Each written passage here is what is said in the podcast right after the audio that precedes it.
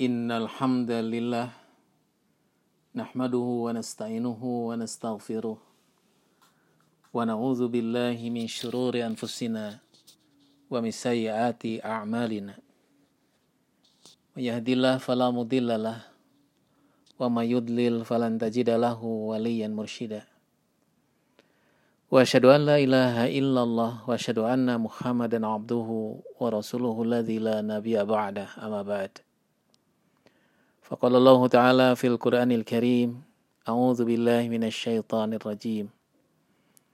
أحسب الناس أيتركوا أن يقولوا آمنا وهم لا يفتنون. ولقد فتنا الذين من قبلهم فليعلمن الله الذين صدقوا وَلَيَعْلَمَنَّ الْكَاذِبِينَ.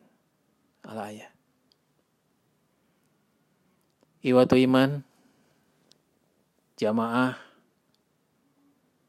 yang dimuliakan oleh Allah Subhanahu wa taala. Wabah yang saat ini disebut-sebut sebagai wabah yang sudah mendunia atau dengan sebutan lain pandemi di mana musibah ini sudah menembus di 200 lebih negara di dunia ini. Ini tentu merupakan sebuah musibah dan keprihatinan kita semua. Dari sisi jumlah, untuk hari ini Jumat tanggal 3 April 2020 sudah menembus angka satu juta lima belas ribu orang lebih. Sementara yang meninggal sudah menembus angka lima puluh tiga ribu lebih. Iwatu iman rahimakumullah. Kita sebagai seorang muslim tentu yang pertama yang harus kita kemukakan,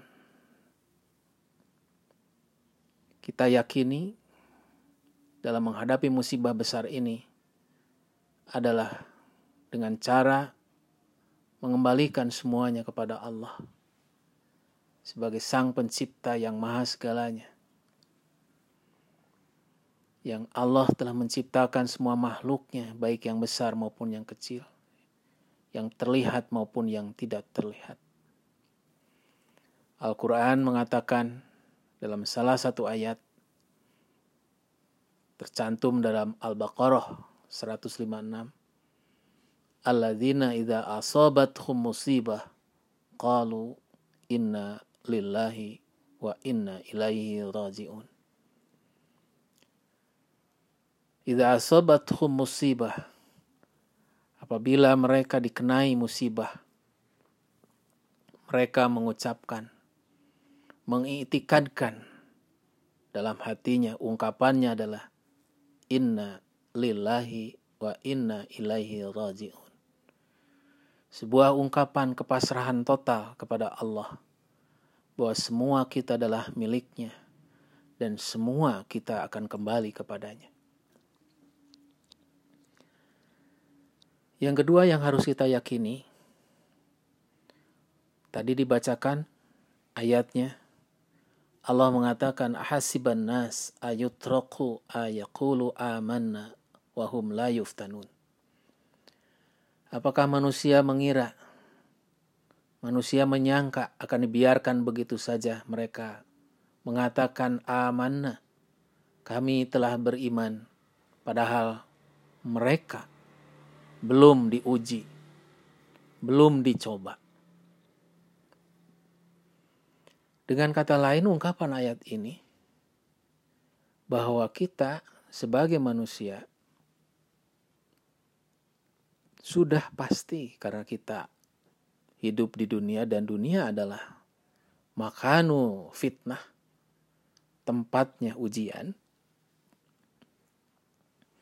Maka kita harus yakin bahwa ujian ini adalah akan diberikan kepada setiap manusia.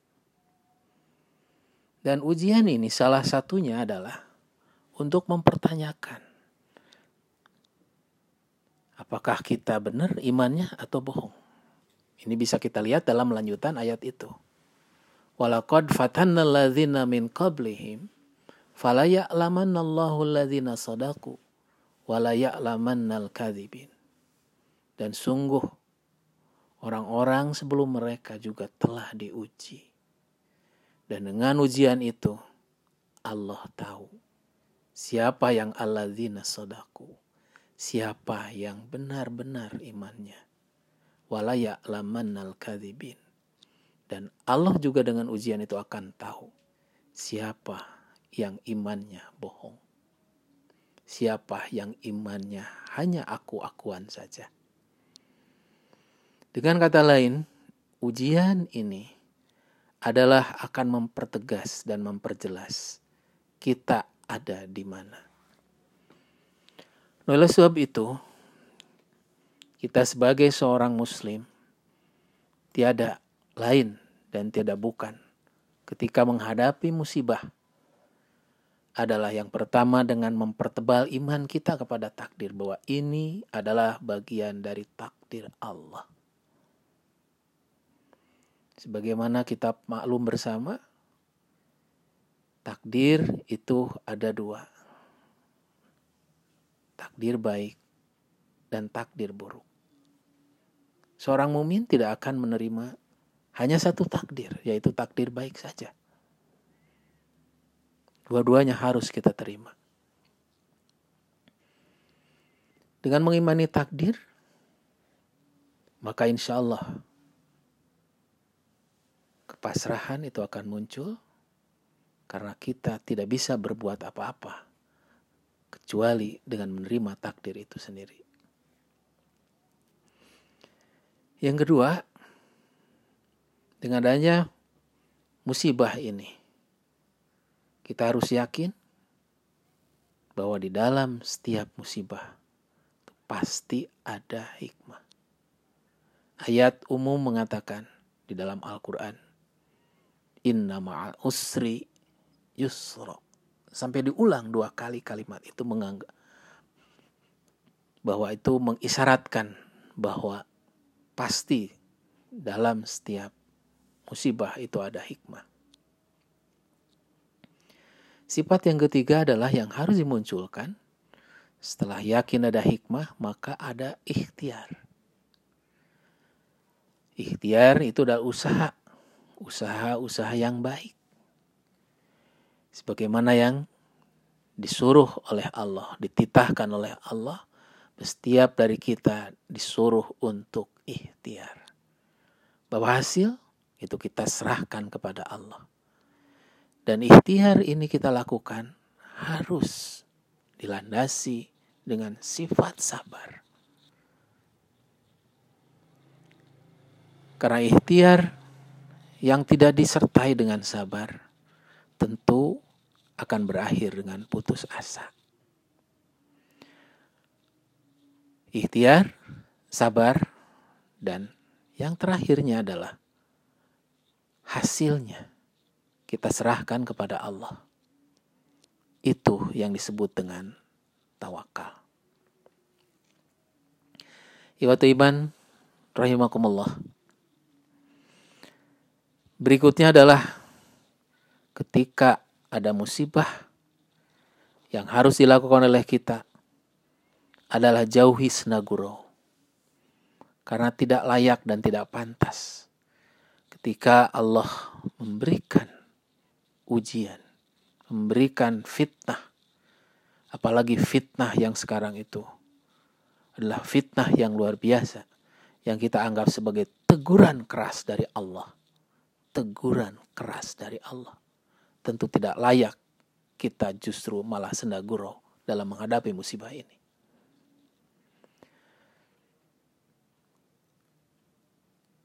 Sisi lain, selain dari itu adalah tingkatkan taubat.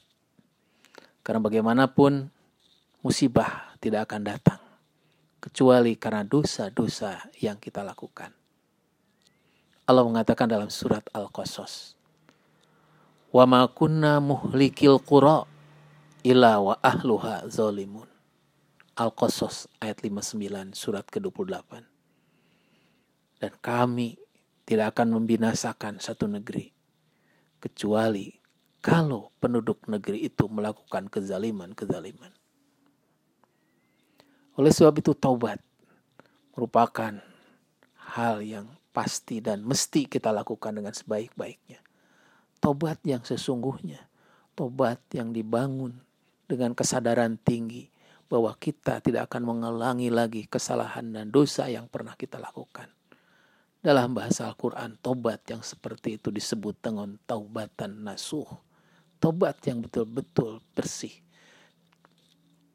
Bersih dari segala niat-niat yang tidak baik. Para ilmu mengatakan yang disebut tobat itu paling tidak yang pertama adalah menyesali terhadap segala perbuatan yang sudah dilakukan. Yang kedua adalah berjanji tidak akan mengulangi. Yang ketiga adalah melakukan kebaikan-kebaikan agar dengan kebaikan-kebaikan itu bisa menutup segala kesalahan dan hilap yang kita lakukan. Yang kedua, memperbanyak zikir kepada Allah. Zikir yang paling utama adalah sholat. Yang kedua setelah sholat, zikir itu adalah membaca Al-Quran. Zikir dalam arti luas, para ahli ilmu mengatakan ada tiga. Zikir bil lisan, yaitu dengan lisan kita Zikir bil qalb dengan hati kita. Bahwa kita senantiasa terus memikirkan, meyakini segala sesuatu yang terjadi tidak lepas dari takdir Allah. Tidak lepas dari kuasanya Allah. Tidak lepas dari irodahnya Allah. Dan yang ketiga, zikir bil arkan. Yaitu zikir dengan anggota tubuh kita. Yang selanjutnya adalah yang harus kita munculkan adalah kita meningkatkan ibadah kita. Baik secara kualitas kita perbaiki. Yang kedua adalah secara kuantitas. Secara kualitas ibadah kita perbaiki paling tidak ada dua. Yang pertama adalah memunculkan keikhlasan, meluruskan kembali niat kita melakukan ini untuk apa. Dan ini adalah merupakan ruhnya ibadah. Sampai Allah dengan secara tegas mengatakan di dalam Al-Quran, Wama umiru ila liya'budullah mukhlisina lahuddin. Dan aku tidak menyuruh untuk melakukan ibadah kecuali dengan mengikhlaskan ibadah kepadaku. Makanya ikhlas itu bagian dari ruh ibadah kita. Dan ikhlas itu akan muncul dalam diri kita manakala kita meyakini adanya kehidupan setelah kita mati. Yang kedua, memperbaiki ibadah. Di samping memperbaiki ibadah dari sisi niat, juga dari sisi cara. Makanya para ahli ilmu mengatakan ikhlas itu adalah pengejawantahan dari lafad asyhadu alla ilaha illallah. Dan membetulkan, memperbagus tata cara ibadah kita sesuai dengan apa yang dicobakan oleh Rasulullah itu adalah melupak, merupakan